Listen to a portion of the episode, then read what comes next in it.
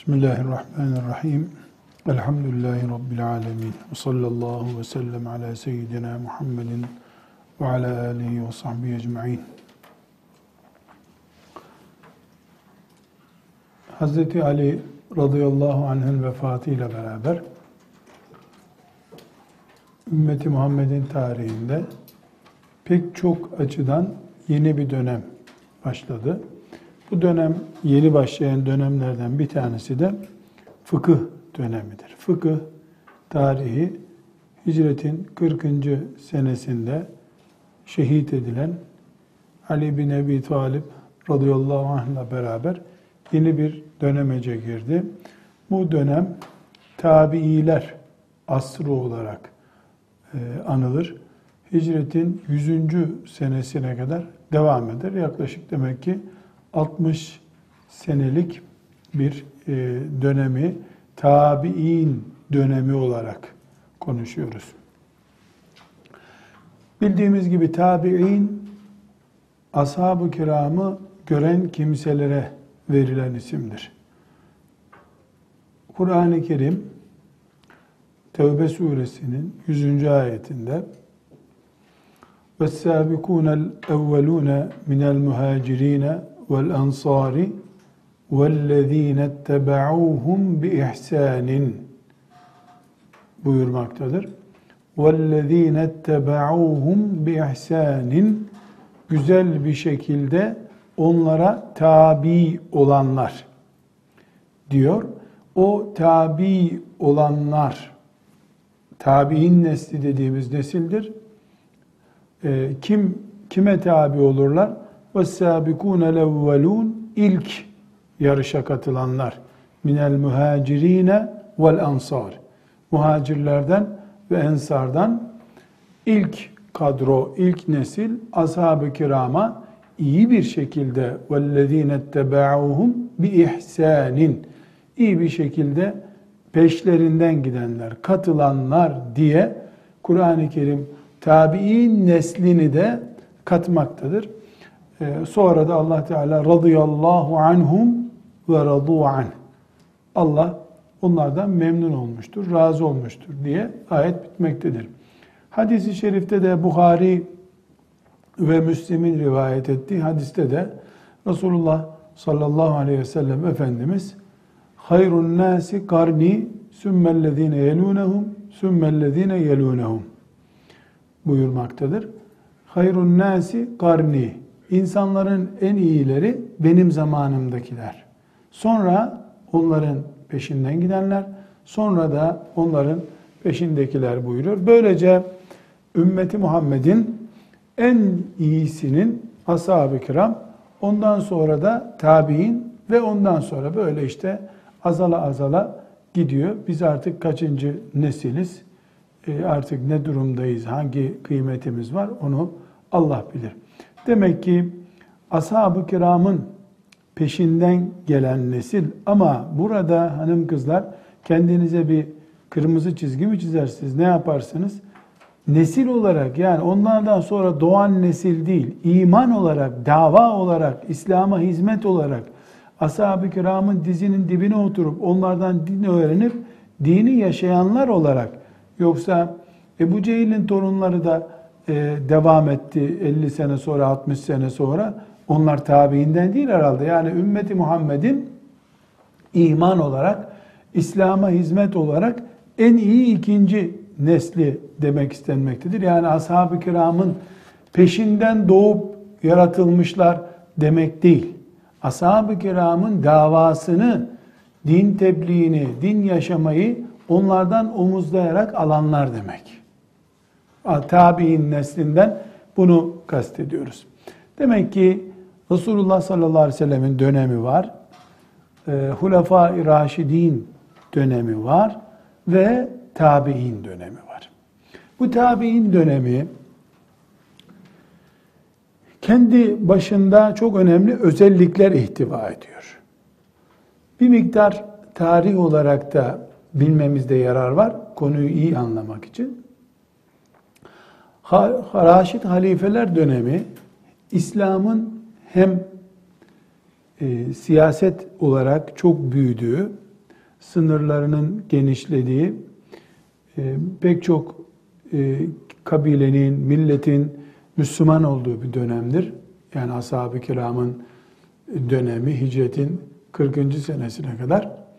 Hem de yabancıların Müslüman olmayan yeni milletlerin İslam'a girmesiyle beraber bazı iç sorunların da İslam ümmeti içerisinde izlendiği, ortaya çıktığı bir dönemdir.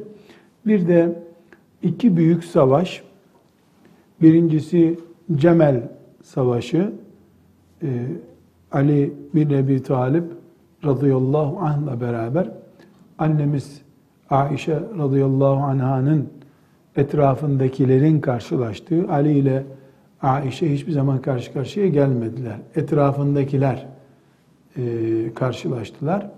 Buna Cemel Savaşı denir. Ciddi bir zayiat. Aşere-i Mübeşşere'den iki kişi e, bu savaşta şehit edildiler. Ayşe validemizin yanında bulunanlardan.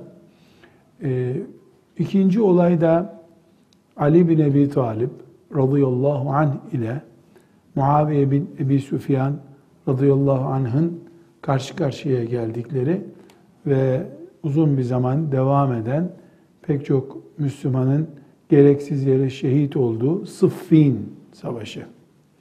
Bu iki savaş hicretin 40. E, senesine kadar e, ortaya çıktı. E, bütün deyim yerinde ise bir deprem gibi bütün İslam alemini, ümmeti Muhammed'i derinden yaraladı bu iki savaş. 40. seneye gelindiğinde iki bariz farklılık ortaya çıkmıştı. Yani tabi'in dönemine başlanırken birincisi siyasi coğrafya olarak İslam toprağı çok büyüdü. Efendimiz sallallahu aleyhi ve sellem Medine ve çevresini bırakmıştı. Ee, Ali bin Ebi Talip radıyallahu anh şehit olduğunda 40. senede çok büyük bir alan yani Hazar Denizi'ne kadar e, Afrika'ya kadar ulaşmış büyük bir İslam coğrafyası elhamdülillah sahip oldu. Yani toprak olarak, mülk olarak çok büyük bir coğrafya İslam olmuştu. Bu artı manada çok güzeldi. Eksi manada da iki büyük savaş ümmeti Muhammed'in içinde çıkmış ve e, bu iki büyük savaşın neticesi olarak ümmeti Muhammed'in büyük bir can sıkıntısı diyelim. Böyle Türkçe bir ifadeyle olsun. E, Müslümanlar olarak yani hala bunun eziyetini çektiğimiz, hala burukluğunu hissettiğimiz, etkisi hala devam eden bir e, nasıl söyleyelim yara, yara diyelim. Yani bunu yara kabul etmek zorundayız. Çünkü kendi bünyemizde çıktı. Ümmeti Muhammed daha büyük sıkıntılar, topraklarının kafirler tarafından işgal edildiği daha büyük dertler gördü ama yarası bugünlere kadar devam eden acısını hala hissettiğimiz böyle bir olay görülmedi. Ee, fıkıh açısından, fıkıh tarihi açısından bakıldığında bu olayların yani bilhassa Cemel ve Sıffin olayının fıkıh çok ciddi bir şekilde etkilediğini söyleyemeyiz. Fıkıh ilmi açısından. Diğer ilimler açısından e, biraz daha tabi yani etkisi olabilir. Bu iki savaşın vardır da nitekim ama fıkıh açısından çok önemli bir farklılık yoktur. Genel olarak e, ashab-ı kiramdan sonraki dönem olan tabi'in döneminin değerlendirmesini şu şekilde yapabiliriz. Bir, İslam coğrafi olarak çok büyük bir alana yayıldı. Bu büyük alana yayılmanın artısı var, eksisi var elbette. Yani büyük alana Osman İbni Affan zamanından itibaren çok büyük bir alana yayıldı ama kontrolü de zorlaştı, eğitimi zorlaştı. Ashab-ı kiram yetişemediler insanları eğitmeye. Yani nüfus büyüdü, çok hızlı bir şekilde büyüdü. Ee, tabi'in döneminde de bu büyüme devam etti. Bilhassa Emevilerin döneminde yani 100. 100, 110. yıllara kadar İstanbul zorlanmaya başlandı. Yani Konstantiniye kapılarına doğru ordular gitti. Çok büyük bir olay bu. Çok büyük bir olay. Yani e, tabiinden hemen sonraki nesilde Endülüs'te devlet kuruldu. Elhamdülillah çok büyük bir büyüme hızlı bir şekilde devam etti. İkinci olarak fıkıh açısından çok önemli ikinci nokta sünnet daha önce demiştik ashab-ı kiram döneminde sünnet Medine'de daralmış kalmıştı. Peygamber aleyhisselam efendimizin e, ashabı onun sünnetini ezber biliyorlardı. E, Medine'yi fazla terk etmiyorlardı. Dolayısıyla sünneti bilen kadro ashab-ı kiram o, o büyük kadroyu oluşturuyordu. Medine-i Münevvere'de yaşadılar. Tabi'in dönemine gelindiğinde bilhassa Sıffin Savaşı'ndan sonraki dönemde ashab-ı kiram farklı İslam topraklarına açıldılar. E, kimi Küfe'ye gitti, kimi başka bir yere gitti, Yemen'e gitti, Bahreyn'e gittiler, Mekke'ye dağıldılar, Taif'e çıktılar. E, ciddi bir şekilde nüfus dağıldı. Şimdi e, bin sahabinin sünneti en son bilen kadro olduğunu düşünün. Binlerce hadis o sahabinin kafasında. E sahabi Medine'deyken, bini de Medine'deyken ilim Medine'deydi. Beş tanesi Küfe'ye, yedi tanesi Yemen'e, on tanesi Taif'e, yirmi tanesi Mekke'ye gidince ilim de dağılmış oldu. Bu nedenle ashab-ı kiram bir aradayken ciddi bir fikir birliği, sünnet desteği oluyorlardı. Cihad etmek, tebliğ etmek, emri bil maruf yapmak için İslam alemine, o zamanki İslam topraklarına veya cihat cephelerine daldıklarında bu sefer ashab-ı kiramla beraber sünnet bilgisi de dağılmış oldu. Ee, bu dağılma aslında Osman İbni Affan zamanında başladı. Çünkü Ömer bin Hattab radıyallahu anh Medine'den çıkmalarına izin vermiyordu. Hele ehli Bedir'in, o ilk büyük sahabinin görevli olarak bile bir yere çıkmasına izin vermiyordu. O Medine'de tuttu. Osman İbni Affan radıyallahu anh izin isteyene izin verdi. Böylece sünnet bir tür dağılmış oldu. Üçüncü olarak da yani tabi'in döneminin temel karakteristik özelliğinden söz ediyoruz. Üçüncü olarak da tabi'in dönemi bir tür o ilk savaşların yani Cemel ve Sıffin Savaşı'nın ve diğer siyasi olayların sonucu olarak ortaya çıkan fitneleri yaşatmış oldu. Bir tür fitneler çıktı. Şiilik, haricilik ve mutezile ekolleri bu dönemde ortaya çıktı. Mutezile özellikle söz edecek olursak e, ileride inşallah bunları kendiniz araştırıp öğreneceksiniz. Mutezile aklı Kur'an düzeyinde gören, akla göre İslam'ı yorumlayan ekol demektir. E, denir ki Has, Hasan el-Basri rahmetullahi aleyhin derslerine katılan birisi tarafından yani Hasan Basri'den ilim almış zeki bir adam e, aklı bir sürü öne çıkaran e, ak, akılla dini anlamaya çalışan bir ekoldür. Mutezile daha sonraki dönemde göreceğiz. E, Halkul Kur'an isimli fitnenin de sebebi olacak. Ahmet bin Hanbel döneminde karşımıza çıkacak o inşallah. Çok büyük bir fitne, çok ciddi bir sorun oldu Mutezile fitnesi. E, bunu bir not olarak yazınız. Mutezile hicretin hemen birinci asrında çıktı. Yani vahyi akıl süzgecinden geçirip anlama. Bu sonra e, Selçuklular, Abbasiler döneminde, Osmanlı döneminde ya o işte bir yerde Basra'da böyle bir mezhep çıkmış diye mezhepler tarihinde okutuldu. E, halbuki hanım kızlar unutmayınız şeytan hiçbir şekilde acele etmez. Tohumu kuluçkaya atar, üç asır, dört asır, beş asır bekler. Bin sene beklediği de olur. Yani ümmeti Muhammed mutezile fitnesinden çok çekti. Ama 3. asırdan sonra bu unutuldu. zannedildi. Şimdi bütün İslam toprağında bana göre aslında ayet var ama bana göre filan hocaya göre deniyor ya işte mutezile budur. Şimdi o zamanlar İslam içinde 3-5 kişinin bulunduğu bir fırkaydı mutezile fırkası. Şimdi ise e, neredeyse e, iki satır Kur'an okuyan İmam Hatip Lisesi talebeleri bile ayet var ama bana göre diye konuşmaya başlıyor. İki dergi yazısı okuyan, Cuma günü hutbe dinleyen kendisini allame kabul ediyor. Bu akıllı din yerine koyma hastalığıdır ki e, Yahudi hastalığıdır bu. Akla göre yorum yapma, dine tuzak kurmadır. E, Mutezile'yi bu şekilde bir fırka yani tabi'in döneminde çıkmış sorunlardan biridir. Hiçbir dönem sorunsuz dönem değildir zaten. Ümmeti Muhammed imtihan için yaratılmış bir ümmettir. İmtihanımız da bizim bu. İkinci olarak da Şia mezhebinden söz ettik. Şia, şimdiki bildiğimiz Şia dönemi.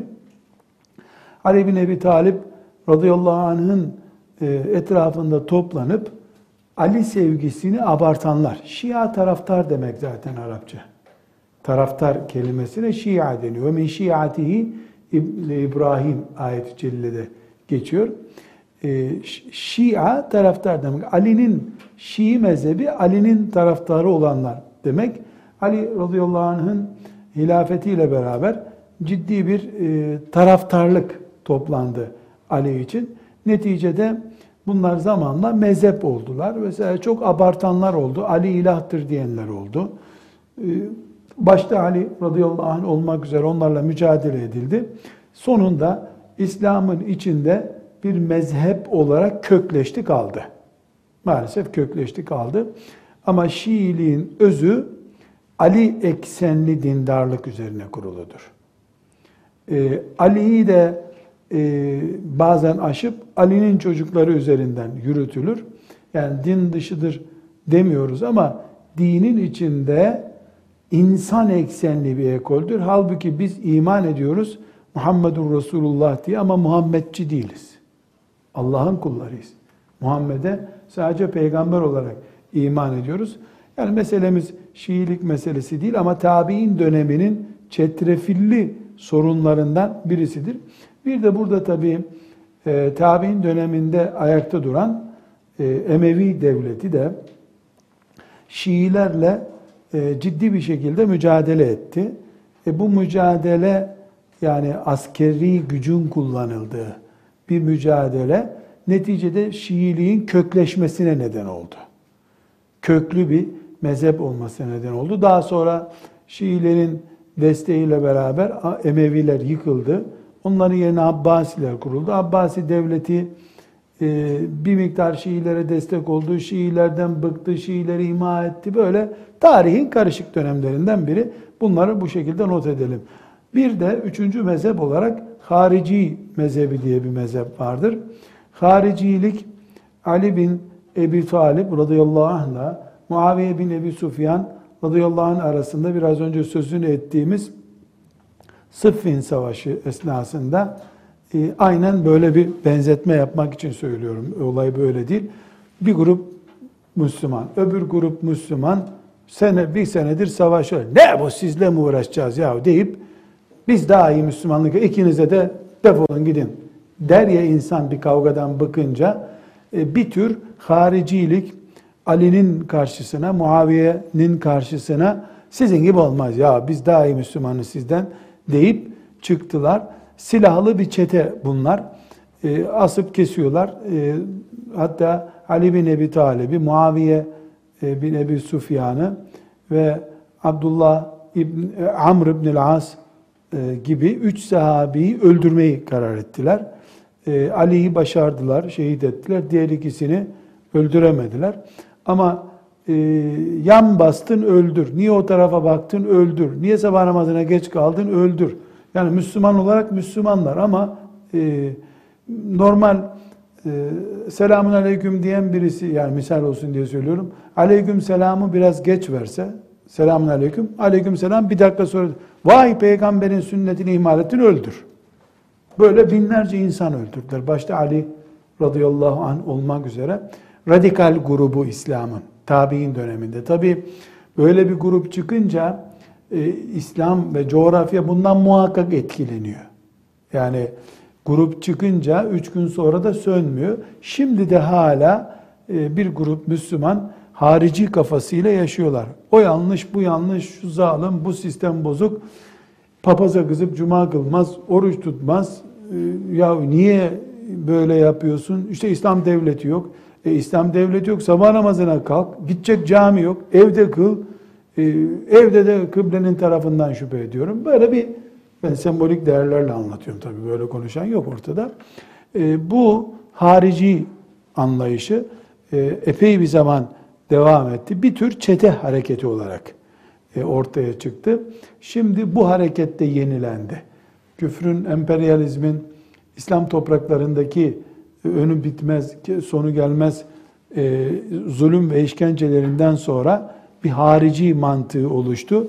Bu sefer Müslümanlardan intikam alıyorlar. Yani papaza kızıp oruç bozmak Anadolu deyimiyle. Bu arada Emevi devleti, tabi'in döneminin devleti Emevi devletidir.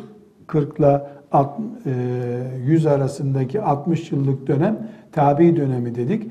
Bu dönemin devleti olan Emevi devleti muayyen bir mezhep edinmedi kendine.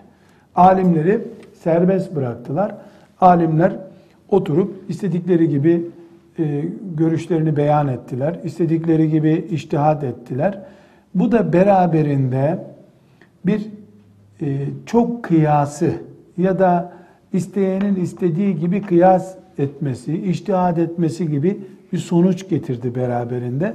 Bunu daha sonra e, rey ehli olarak, rey ehli olarak adlandıracağımız bir ekolün çıkmasına neden oldu. Hep tabi döneminin altyapısını konuşuyoruz. Bir başka husus da bu dönem ashab-ı kiramın yavaş yavaş dünyadan çekilmeye başladığı, hemen hemen büyük bölümünün belki de yüzde doksanının e, ahirete intikal ettiği bir dönemdir. E, ashab-ı kiram giderken binlerce e, talebe yetiştirip gittiler diyelim.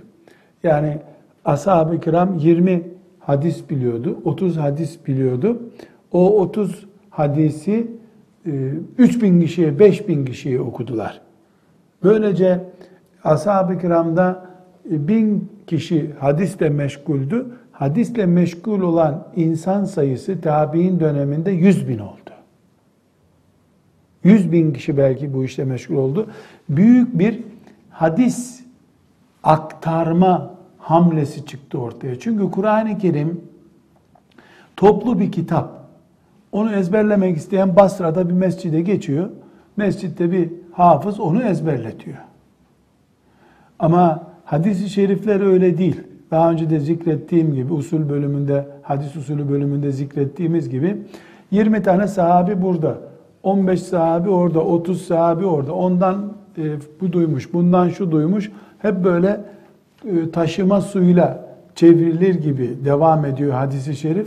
Bu sebeple tabi'in döneminde hadis rivayeti diye bir ilim dalı çıktı ortaya. Bu da tabi'in döneminin en temel karakteristik özelliklerinden biridir.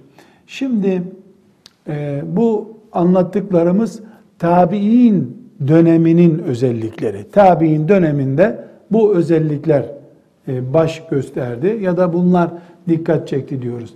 Bu son maddemiz yani tabi'in döneminde hadis rivayetinin yeni bir ilim dalı olarak ortaya çıkması beraberinde yeni bir sorun getirdi. Bu sorun hala hallolmuş bir sorun değildir. Ama e, o zamandan beri yani işte hicretin birinci asrından beri alimlerin sürekli mücadele ettiği, e, düzeltmeye çalıştıkları bir sorundur. Bu da hadis uydurma meselesidir. Çünkü herkes hadis naklediyor. İşte Ebu Hureyre'den duydum diyor. Enes İbni Malik'ten herkes bir şeyden bir şey duyuyor. Bunu e, ehli olan da yapıyor, ehli olmayan da yapıyor. İyi niyetlisi de yapıyor, art niyetlisi de yapıyor. Bu sebeple hadis uydurma birinci asırdan itibaren Müslüman ilim adamlarını meşgul eden önemli sorunlardan bir tanesidir. Peki hadis uydurma tabi'in gibi dinine sadık, takva ve Allah için e, yaşayan bir neslin bulunduğu bir zamanda nasıl revaç bulabildi? Nasıl Müslümanların camilerinde namaz kılarken e, insanlar hala Efendimiz sallallahu aleyhi ve sellemin ve ashab-ı kiramın bir sürü e, varlığı ortadayken, onların sıcaklığı devam ederken Efendimiz vefat etti ama henüz deyim yerindeyse naaşı soğumamıştı. Yani 30 sene, 40 sene, 50 sene bilemedin geçti. İnsanlar nasıl cesaret edip ya da neden e, hadis uyduruyorlar? Şimdi burada e, 7-8 tane sebep sayacağız. Hadis niye uydurdu insanlar? Bunlar belki hepsi sebebi değil ama bir noktayı önemsemek istiyorum hanım kızlar. Bu 7-8 sebep bir miktar hala devam ediyor. Hala devam ediyor. Şimdi siz bir kadınlar sohbetindeyken uydurma olduğu biline biline e, gözünüze baka baka nasıl yalan hadisleri insanlar peygamberi aleyhissalatü vesselam mal ediyorlar. Bunu anla, anlamanız için o zamanki e, gerçek bir bilgiyi şimdi nakletmemiz lazım. En önemli neden siyasi ihtilaflar, siyasi düşünceler hadis uydurma nedeni oldu. Birinci neden budur. Ne demek bu? Yani Ali taraftarları, e, Muaviye taraftarları vesaire bir siyasi anlayışa meyletmiş olanlar kendi adamını e, ortaya çıkarmak ya da adamını güçlendirmek için e, yapabileceği şey nedir? Para dağıtacak, e, promosyon, ajanda dağıtacak hali yok. O dönemde en güçlü şey Resulullah dedi ki diye başlayan cümleler.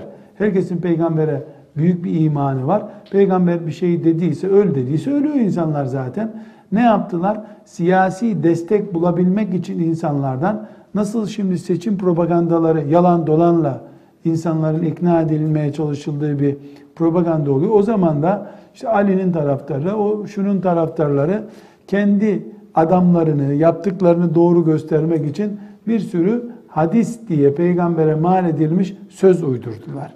Hadis uydurmaların birinci e, nedeni budur. İkinci nedeni de e, taassuptur. Yani gerek e, Arap taassubluğu e, ve gerekse yöre taassubu. Yani adam Yemenlidir. Yemen'deki bir kabilesini övmek istiyordur. Veya işte Arap adasını övmek, yarımadasını övmek istiyordur. Taassup, bir şeye körü körüne kilitlenme e, uğruna yalan konuşmayı mubahlaştıracak kadar insanları uçuruma sevk etmiş. O dönemde olmuştur. E, üç, üçüncü bir neden de zındıklık hareketinin başlamasıdır. Zındıklık e, İslam'ın içinde Müslümanların arasında yaşadığı halde e, İslam'ı sevmeyen insanların hareketine zındık denir. Zındık. E, bu aslında münafık demek ama itikaden bir insana münafık demek caiz olmadığı için kalbini bilmediğimizden Peygamber Efendimiz de buna müsaade etmediği için sen münafıksın, sen münafıksın kimseye denmeyeceğinden bunun yerine fakihler e, zındık diye bir deyim üretmişler. Zındık İslam'ın içindeki düşman demek. Bunlar da çok rahat bir şekilde e, insanların peygamber sevgisini ve peygambere bağlılıklarını suistimal etmişlerdir. Dördüncü neden de e, insanların cennet ve cehennem duygularını coşturmak için iyi niyetle uydurulmuş sözlerdir. Ama şunu unutmuyoruz. Peygamberin adına yalan konuştuktan sonra niyet iyi de olsa kötü de olsa bir şey değişmiyor. Sonuç aynı. Bu nedenle pek çok e, vaiz, davetçi, hoca diyelim şimdiki deyimle kelepur cennet vaat eden, durup dururken cehenneme sokan hadisler uydurmuşlardır. Abartılı bir şekilde. Yani mesela işte misal olsun diye söylüyorum. E, siz mevzu hadisler kitabından e, bunu eline boyuna okuyacaksınız inşallah. Ne yapıyor mesela? E, diyor ki işte her kim e, camiye girerken sağ ayağıyla camiye girerse 70 yıl namaz kılmış gibi olur.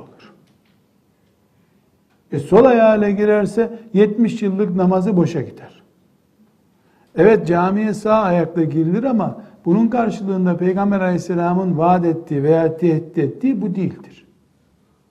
Bir bakıyorsun ki bir sağ ayakla camiye girmek iman etmekten daha değerli. Bunlar hep işte bir hoca efendi camiye girerken orada bir cümle söyledi. Onu insanlar yarım anladılar. Yarım anlayınca ilave ettiler. İlavesi bize kadar bu şekilde ya da o zaman içinde o şekilde yayıldı. Bu sebeple e, bilhassa kadınlar arasındaki o bedava kelepur e, ibadetler e, hiçbir şey yok. Yani akşama kadar düğünde saz çal oyna akşam ondan sonra filan duayı şu kadar okudun mu cennettesin. Anan baban da affolur, ecdadın da affolur, yedi nesil soran da affolur. Bunlar bedava peygamber adına yalan konuşmak hastalıkları. Maazallah. Bu hususta mevzu hadis hususunda bu asırda da çok ihtiyacımız var. Gelecek asırda da bilgili olmaya, hangi hadis mevzudur, hangisi değildir bilgi olmaya ihtiyacımız var. Şüphesiz İslam'ın dışarıdan düşmanlarının da bu şekilde uydurma sözleri İslam topraklarına ihraç ettikleri yani herhalde tahmin edilecek bir sebeptir. En önemli tehlike o dönemde tabi'in döneminde hikayeciler diye bir kadro var. İslam'ı hikayelerle anlatıyorlar. Şimdiki işte e, akşam toplantıları diyelim yani evlerde yapılan toplantı bir varmış bir yokmuş bir Müslüman varmış mış mış mışla devam ediyor. Sonunda o oradaki bir çocuk tarafından yarı uyuklayıp tam anlamayan birisi tarafından sanki peygambere ait bir şeymiş gibi nakledilmeye başlanıyor. Kur'an'dan diyemiyorlar. Kur'an'ın aslı ortada çünkü. ilave yaptı diye adamın kafasını vururlar. E bunu e, ne diyecekler? Filan alemin sözü dese filan alim hikaye anlatmış denecek. Ne yapıyorlar? Peygambere mal ediyorlar. Nasıl olsa birisi gidip mezardan kalkıp peygamberine sen böyle bir şey dedin mi ya Resulullah diye soracak hali yok. E, ahirete kalacağını düşünüyorlardı. Biraz sonra göreceğiz ki ahirete kalmadı. Cerh ve tadil alimleri elhamdülillah e, bu fitnenin önüne geçtiler. Yedinci bir neden de siyasetçilere yağcılık yapmak için de e, bir miktar hadis uydurulmuştur. Yani dal kavukluk diyelim biz buna. E, bu da bir afet olarak karşımızda duruyor. Sekizinci bir sebep de e, bazı meslekler ve bazı yiyecekler, bazı şehirler övülmüştür. Mesela işte patlıcan satacak adam piyasada. Patlıcan yiyenin hiçbir derdi olmaz diyor. Ee, ne, ne biliyorsun? Ya peygamber söyledi diyor. Üç gün sonra peygamber buyurdu ki patlıcan yiyenin hiçbir derdi olmazmış. Dedikodu insanlar bu şekilde yayıyorlar. Ee, her halükarda e, böyle büyük bir tabi'in döneminde bu böyle büyük bir fitne çıktı. Bu fitne daha sonra ümmeti Muhammed'in alimleri tarafından önlendi ama. Ama nasıl önlendi? Hala izi devam edecek şekilde önlendi. Yani kayıt altına alındı ama bu bir kere çıktı piyasaya. E, ondan sonra bir daha yüzde yüz önlenmesi de mümkün değil. İslam alimleri uydurma hadise karşı şöyle bir tedbir aldılar. Dediler ki e, kim bir hadis söylüyorsa o hadisi kimden duyduğunu bize söyleyecek. Sen kimden duydun bu hadisi? Filancadan. O kimden duymuş? Filancadan. O, o da Resulullah sallallahu aleyhi ve sellemin ashabından duymuş. Peki nasıl bileceğiz biz bunu? Sen kimden duydum diyorsun? Ahmet'ten duydum diyorsun. E, o kimden duymuş? O da Ali'den duymuş. Ha, bir bakalım. Siz karşılıklı oturup talebe hoca oldunuz mu? Olduk. O olmuş mu? O da olmuş. Güzel. Peki sen o adamın dersini dinleyecek kadar zeki biri misin? Veya o hadis okutacak kadar zeki biri mi? Kaliteli ilmi var mı? Bunu da araştırdık. Buna ne diyorduk biz? Cerh ve tadil ilmi diyorduk. O sisteme de isnat sistemi diyorduk. Hani hadisin senedi var demiştik. O senedi oluşturmaya da e, senet sistemi, isnat sistemi diyorduk. Şimdi hanım kızlar bu arada e, ümmeti Muhammed Peygamber aleyhisselama karşı hadis uydurma tehlikesini önlemek için ciddi tedbirler aldılar dedik. İsnat sistemi oluştu dedik. Cerh tadil ilminin kuralları kondu dedik. Dolayısıyla önüne gelen istediği gibi hadis rivayet edemedi artık. Edecek olsan zaten senden insanlar şüphe ediyorlar. Gelişi güzel okunmuyor. İşte ondan sonra bu gayretlerin sonucu Bukhariler, Sahih Bukhariler yazıldı, Müslimler yazıldı, diğer hadis kitapları yazıldı ama tabi'in döneminden sonra. Şimdi bu dönemde fıkıh ilmini ele alacak olursak zaten biz fıkıh açısından meseleyi ele alıyoruz. Bu dönemde bilhassa Medine'de sünnetin etrafında bir ekol oluştu.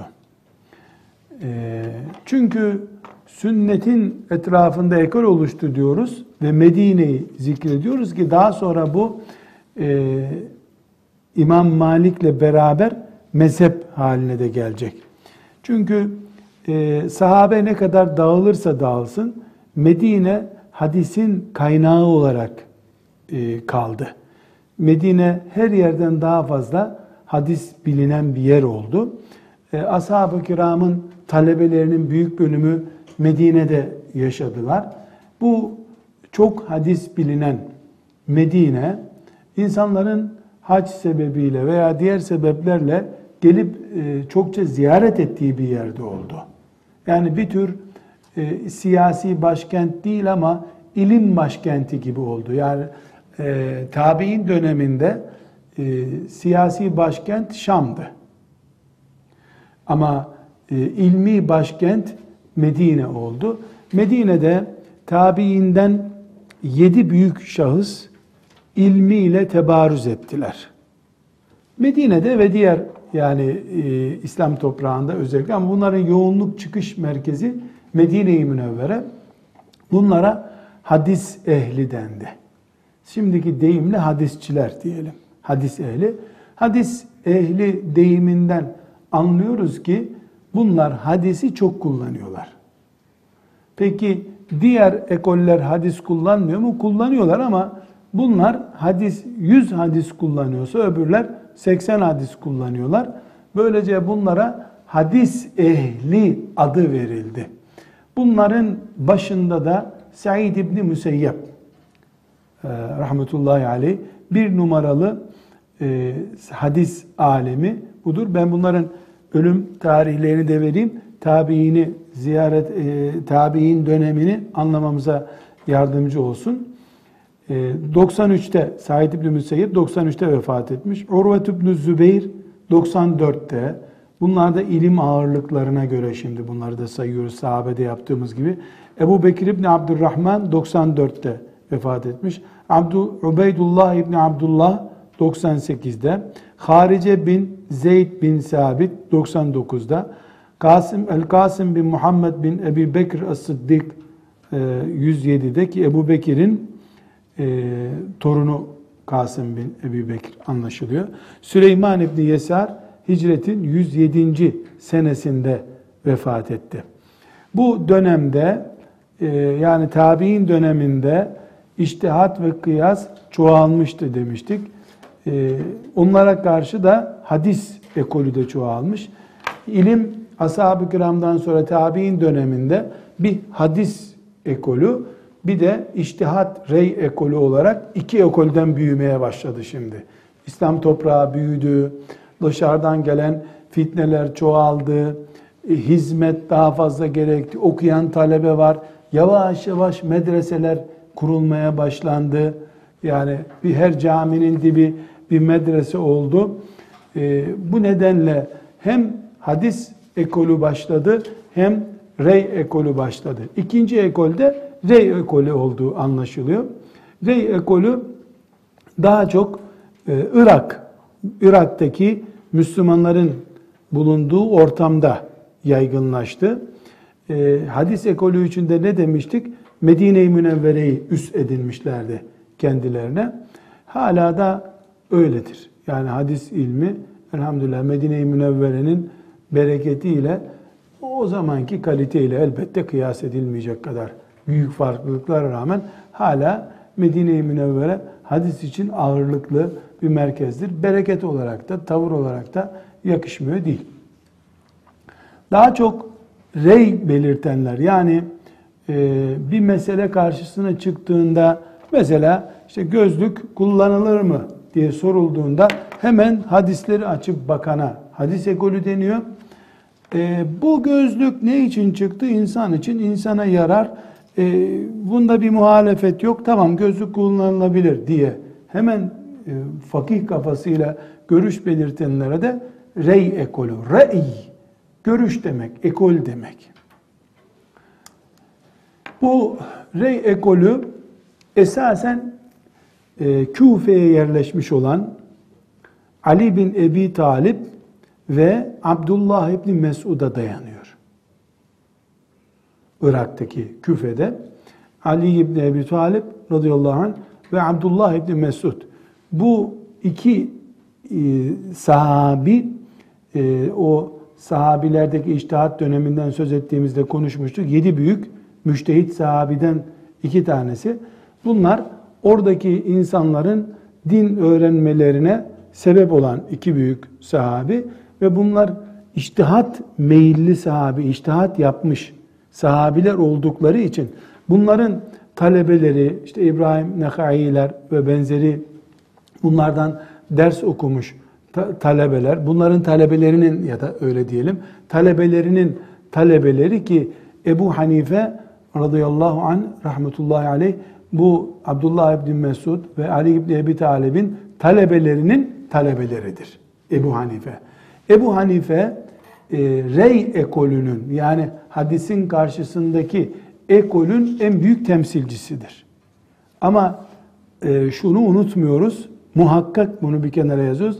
Rey yani iştihatla fıkıh yürütme işini başlatan Abdullah ibn Mesud'la Ali ibn Ebi Talip'tir. E elbette Ebu Hanife'nin 10 bin e, iştihadı varsa Ali ibn Ebi Talip e, nihayetinde 3-4 sene Müslümanların hocası olarak Küfe'de kaldı. Onun da 100 tane 300 tane vardır. Burada konuştuğumuz şey kaç iştihat yaptı onu konuşmuyoruz. Sistemi başlatıp sistemi devam ettirmeyi konuşuyoruz. Yani bir tarafta e, mesela e, bir sahabi var sadece Kur'an ve hadisten örnekleri veriyor. Öbür tarafta da Ali İbni Ebi Talip var sürekli iştihat yapıyor. İkisinin ekolünü devam ettirenler hocalarından aldıkları sistemi öğrettiler. E, Abdullah İbni Mesud'un gizli hocası da Ömer İbni Hattab'dır. O da Ömer bin Hattab hayranıdır. Yani bu iştihat kafası Abdullah İbni Mesud'a Ömer bin Hattab'dan geçmiş. Ali İbni Ebi Talip kendisi zaten başlı başına ilmin kapısı. Muhteşem bir ilim adamı ayrı bir konu. Ama burada e, Ebu Hanife, e, Hanefi mezhebinin kurucusu, müessisi çok fazla kıyas yapıyor, çok fazla iştihad ediyor, çok fazla rey tarafında duruyor. Ama kendi başına bir adam e, bir bidat çıkarmış birisi değil. Sahabenin uzantısı. Çünkü Abdullah İbni Mesud'un e, talebelerinin talebesi durumunda. Ali İbni Ebi Talib'in talebelerinin talebelerini görmüş. Hatta Enes İbni Malik'i küçükken gördüğü de rivayet edilir. Ebu Hanife rahmetullahi aleyhin Enes İbni Malik'i yani Enes İbni Malik yaşlı o küçük ama o gençliğinde Enes İbni Malik gördüğü söyleniyor. Bakın bu rivayet çok sağlam olmadığı için e, bu rivayet yani çünkü tabiinden olması gerekiyor Ebu Hanife'nin. Tabiinden olması zorlaşıyor bir miktar. E, ama her halükarda etbe'ut tabiindir. Yani tebeut tabiinde e, geçmesinde hiçbir sıkıntı yok. Neden? Çünkü e, tabii direkt Resulullah sallallahu aleyhi ve sellem'in ashabını görenler Onları görenler de üçüncü nesil oluşturuyor. Tabiinden değil büyük ihtimalle ama tabiini de görmek büyük bir şeref Ebu Hanife'ye nasip olmuştur. Bu bölümü tekrar toparlıyorum hanım kızlar. E, tabi'in dönemi dediğimiz fıkhın üçüncü döneminde e, ortaya iki ekol çıktı. Tabi'in döneminde tek ekoldü. Kur'an, sünnet ve iştihat yapıyorlardı. E, icma yapıyorlardı. Tabi'in döneminde bir Medine-i Münevvere'de hadis ağırlıklı konuşan, yazan ekol oluştu. Bunlara hadis ekolü dendi. Ehlül hadis dendi. Bir de e, özellikle Irak'ta rey ekolü dediğimiz rey görüş demek. Hani seçimde rey kullanılıyor, görüş belirtiliyor anlamında.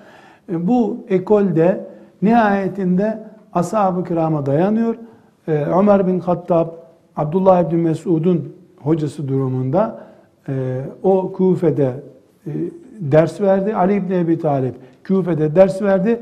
Onlardan İslam'ı öğrenenler de işte Ebu Hanife'nin hocaları iştihat eden bir mantıkla talebe yetiştirdiler. Neticede ortaya ikinci bir ekol olarak da rey ekolü çıktı. Buradaki rey kelimesini nasıl anlamamız gerekiyor? Yani Kur'an'ın, hadisin yanında e, müştehit olarak kendi görüşünü de belirten ekol demek. Bu hadisi kullanmadıkları anlamına haşa gelmiyor. Bir. iki Medine'deki hadis ekolünün de iştihat yapmadığı anlamına gelmiyor. E peki niye böyle bir isim verildi? Yoğunluğa dikkat edildi. Yani Medine'dekiler yüz görüşten ikisinde, üçünde iştihat ediyorlar. Sanki etmiyorlar gibi oldu. Rey ekolü de 100 meseleden 50'sinde 60'ında iştihad ediyor. 30'unda 40'ında da hadislere, ayetlere bakıyor. Sanki hadise bakmıyormuş gibi bir sistem ortaya çıktı. Dolayısıyla biz e, re ve hadis ekolüyle şunu anlamış oluyoruz. Neticede gelinen nokta demek ki fıkıh büyüyor. Tabi'in döneminde fıkıh büyümeye başladı. İki şeyden dolayı büyüdü. Birincisi talebe sayısı arttı. Yani sahabe döneminde bilemedin 150 bindi Müslümanların sayısı.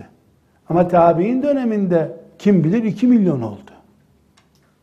3 milyon oldu belki. Neden? Büyük bir coğrafya Müslüman oldu. Kitle kitle insanlar İslam'a girdiler. Dolayısıyla talebe çok. Çok olunca da uzmanlık alanları da çoğalmaya başladı. İkinci sebep de ciddi bir şekilde sorunlar, tartışılan konular çoğaldı.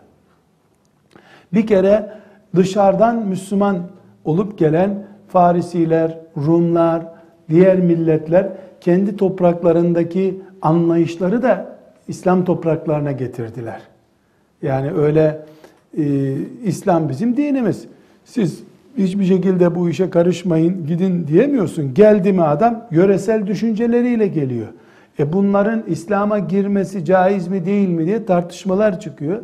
Hele hele Küfe, e, Ebu Hanife'nin neşet ettiği yer Küfe, daha sonra Abbasiler döneminde Bağdat, buralar yabancıların daha çok gidip geldiği yerler. Daha büyük iştihada ihtiyaç yerler var. Allahu alem ama eğer hadis ehli yani iştihad etmeyenler Küfe'de ve e, Bağdat'ta olsaydı İslam tıkanacaktı orada. Onlar hadis bulana kadar bir hadis arayıp bulana kadar adam belki zındıklığını yayacaktı. Ama seri bir şekilde sorunlara hemen cevap verildi. Sorun bekletilmedi, biriktirilmedi. Bundan 1400 sene sonra biz görüyoruz ki ey büyük Allah'ım hadis ehli çıkarıyorsun o dinine hizmet oluyor. Rey ehli çıkarıyorsun o hizmet oluyor. İslam'ı bu şekilde bütün bu renkleriyle kabul eden de muhteşem bir din kabul etmiş oluyor. Ben şuna karşıyım, onlar iyi Müslüman değil. Şuna karşıyım diyen de büyük bir servetin bir ucundan tutuyor sadece. Onun için hanım kızlar biz gerek hadis veya gerekse rey ekolü ya da daha sonra bunun ismi olan mesela hadis ekolü e, Ahmet bin Ambel'in mezhebiyle devam ediyor. Şu anda onun mezhebiyle devam ediyor. Bir miktar İmam Malik'in mezhebiyle devam ediyor.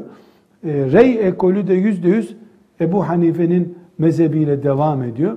Şimdi yıllarca şunu müşahede ettik. Özel bir kendime ait bir ayrıntı olarak size de nakledeyim. Şimdi müteassıp hocalarım da oldu. Hanbeli böyle kessen damarlarından Hanbeli kanı akar denir yani öyle tipler. Şimdi yeni meseleler çıkıyor. Açıyor açıyor kitaplarda öyle bir şey yok. Bu nasıl çözülecek filan sordun mu bakıyorsun el altından bir Hanefi kitabını karıştırıyor. Oradan meselenin çözümünü buluyor. Ona da bir hadis ilave ediyor. Bu böyledir diyor. Yani Ebu Hanife'nin kitaplarını karıştırmadan ya da onun kitabı yok da e, talebelerinin kitaplarını karıştırmadan bir şey çözmek çok zor. Çünkü Ebu Hanife sanki 100-200 insan kafasının birleştirilip bir insana konmuş şekli gibi. Nasıl Malik bin Enes'te sünnete sadakat, Ahmet bin Hanbel'de hadise hizmet diye bir heyecan var. Ebu Hanife'yi de Allah zeka küpü olarak yaratmış. Bugün gelip de Müslümanlar olarak kim ben bunu isterim bundan istemem diye marketten peynir seçer gibi ümmetin büyükleri arasında seçim yapıyorsa cahildir o. Bir şey bilmiyor. Futbol takımı tutar gibi bakıyor bu işe. Ama kim de ümmetimin serveti bu serveti. Benim ümmetimin birikimi bu diye. Her birindeki çiçekten bal toplayabiliyorsa ona ne mutlu ümmeti Muhammed'in servetine sahip demektir. Evet, tabi'in döneminin e, ayrıntılarına devam edeceğiz. E, Gazali'nin bu konuda güzel tespitleri var. Çünkü e, tabi dönemini anlamak gerçekten bizim için önemli ve Gazali'den muhakkak istifade etmeliyiz. Bir dahaki dersimizde inşallah e, bu değerlendirmeleri yaparız. O sallallahu ve sellem ala seyyidina Muhammed ve ala alihi ve sahbihi ecma'in velhamdülillahi rabbil alemin.